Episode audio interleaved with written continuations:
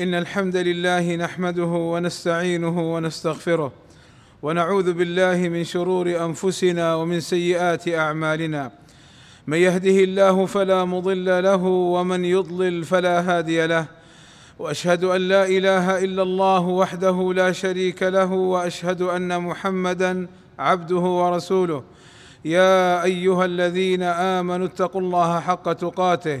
ولا تموتن إلا وأنتم مسلمون.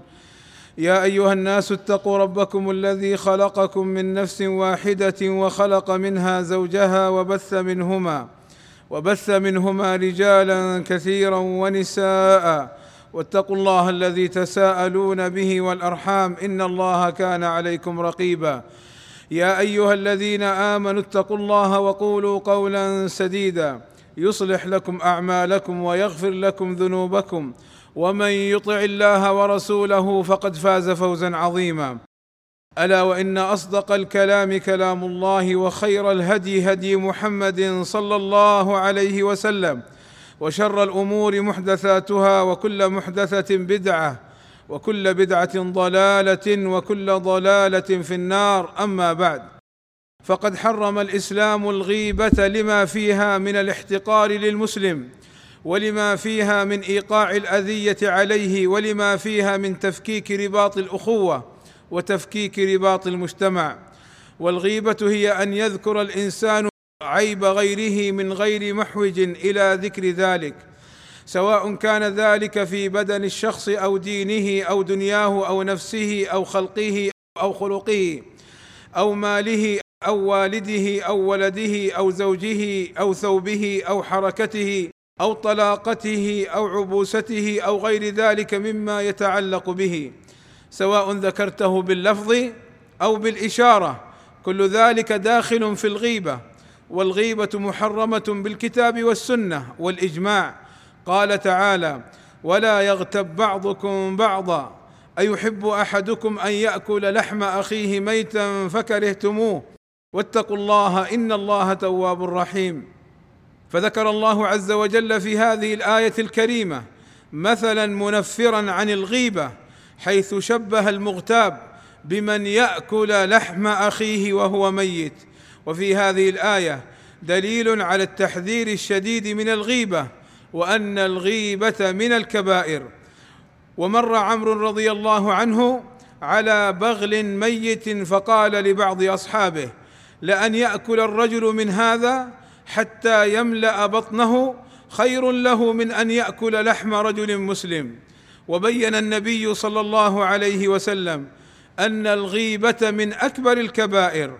قال صلى الله عليه وسلم إن من أكبر الكبائر استطالة الرجل في عرض رجل مسلم بغير حق والاستطالة في القول مجاوزة الحد والسبة في الكلام.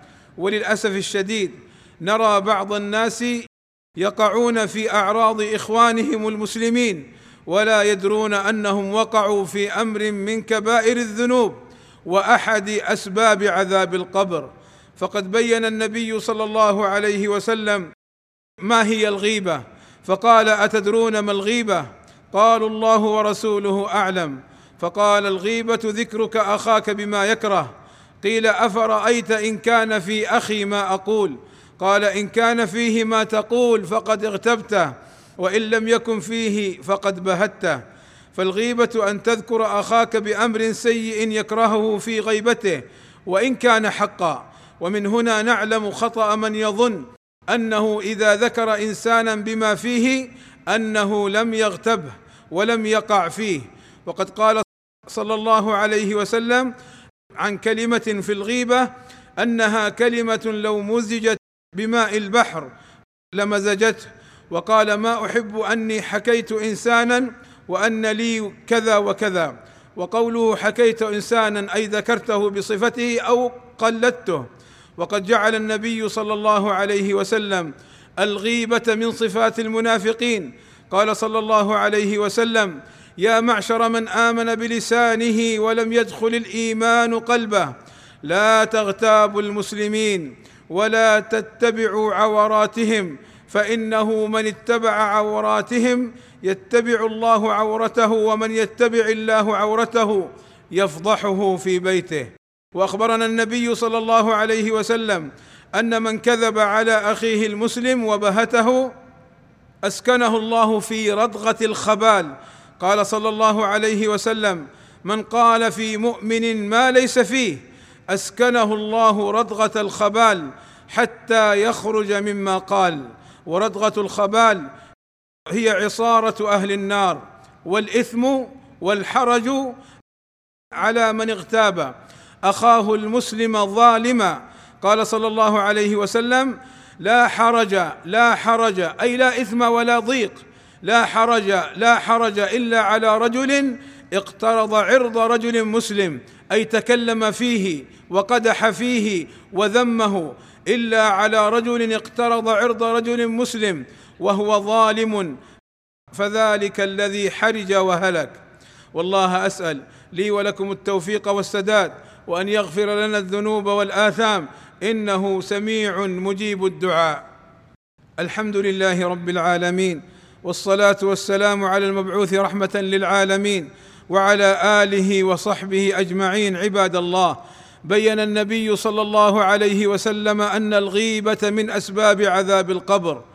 فعن أبي بكرة رضي الله عنه قال كنت أمشي مع النبي صلى الله عليه وسلم فمر على قبرين فقال إنهما ليعذبان في الغيبة والبول والغيبة أحد أسباب عذاب النار قال صلى الله عليه وسلم لما عرج بي مررت بقوم أي في النار مررت بقوم لهم أظفار من نحاس يخمشون وجوههم أي يجرحونها ويشقونها يخمشون وجوههم وصدورهم.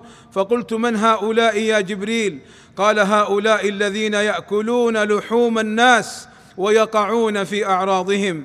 عباد الله إن الأخوة الإسلامية تستوجب على المسلمين فيما بينهم أن يحفظوا ألسنتهم من الوقوع في أعراض إخوانهم المسلمين. قال صلى الله عليه وسلم المسلم أخو المسلم لا يخونه ولا يكذبه ولا يخذله. كل المسلم على المسلم حرام عرضه وماله ودمه. التقوى ها هنا. وأشار إلى قلبه وبحسب امرئ من الشر أن يحتقر أخاه المسلم. وتستوجب الأخوة الإسلامية الذب والدفاع عن عرض أخيك المسلم ولك عند الله عز وجل الأجر والثواب العظيم. قال صلى الله عليه وسلم من رد عن عرض أخيه رد الله عن وجهه النار يوم القيامة. وإذا اغتبت أخاك المسلم فسارع بالتحلل منه في الدنيا قبل أن يأتي يوم التحلل فيه بالحسنات والسيئات. فإن لم تستطع أن تتحلل منه فلقد ذكر العلماء أن تتصدق عنه أو أن تستغفر له وتدعو له. عباد الله الغيبة محرمة إلا أنها تباح إذا كانت لغرض شرعي وذلك في ستة أمور. الأول التظلم عند الحاكم فتذهب للحاكم وتذكر أن فلانا ظلمك أو آذاك أو فعل كذا وكذا. والثاني الاستعانة على تغيير المنكر فتخبر ولاة الأمر بأن هناك أناس يفعلون كذا وكذا وليس من الغيبة. والثالث الاستفتاء المرأة أو الرجل يذهب إلى القاضي أو العالم فيسأله ويستفتيه في حاله أو حال زوجه أو بعض أصحابه. والرابع تحذير المسلمين من الشر كأن يكون هناك جماعة لديهم فتنة كالإرهابيين أو أصحاب المخدرات. والخامس أن يكون مجاهرا بفسقه أو بدعته كرجل يفعل المنكرات فتخبر ولاة الأمر بأنه يفعل كذا وكذا. والسادس بقصد التعريف كفلان الطويل أو القصير وكذلك كتحذير العلماء من أهل الأهواء والبدع ومن علماء السوء الذين يتصدرون وسائل الإعلام فيفتنون الناس فالكلام في هؤلاء ليس من الغيبة. وليس من الكلام في أولياء الله بل الكلام في هؤلاء علماء السوء. واجب شرعي عباد الله. إن الله وملائكته يصلون على النبي. يا أيها الذين آمنوا صلوا عليه وسلموا تسليما. اللهم صل على محمد وأزواجه وذريته كما صليت على آل إبراهيم وبارك على محمد وأزواجه وذريته كما باركت على آل إبراهيم إنك حميد مجيد. وارض اللهم عن الخلفاء الراشدين أبي بكر وعمر وعثمان وعلي وعن جميع أصحاب رسول الله صلى الله عليه وسلم. اللهم آتنا في الدنيا حسنة وفي الآخرة حسنة وقنا عذاب النار. اللهم اغفر للمسلمين والمسلمات والمؤمنين والمؤمنات الأحياء منهم والأموات. اللهم وفق ولي أمرنا الملك سلمان ابن عبد العزيز لما تحبه وترضاه. وأصلح اللهم به العباد والبلاد واحفظه اللهم من كل سوء. ووفق اللهم ولي عهده الأمير محمد ابن سلمان إلى كل خير واحفظه اللهم من كل سوء. اللهم أيدهما بتأييدك ووفقهما بتوفيقك وأعز وانصر بهما الإسلام والمسلمين. اللهم وفقهما لكل خير وجنبهما كل شر. وصلى الله وسلم على نبينا محمد وعلى آله وصحبه وسلم أجمعين. والحمد لله رب العالمين.